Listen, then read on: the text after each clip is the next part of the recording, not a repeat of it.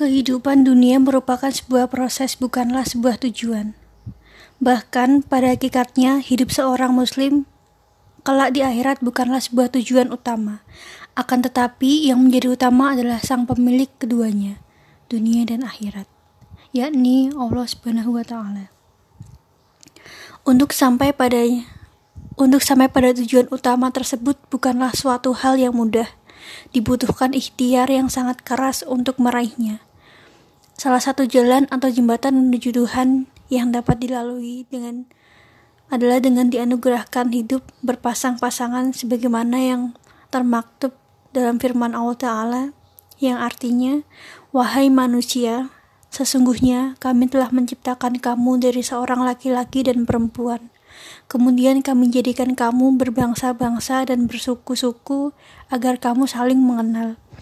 Sungguh Allah Maha mengetahui dan Maha meneliti. Quran Surat Al-Hujarat ayat 13 Melalui perantara tersebut, seorang laki-laki dan perempuan akan saling melengkapi, dan dengan hal itu, keduanya dapat menilai dan mengoreksi dirinya agar dapat melangkah menjadi lebih baik.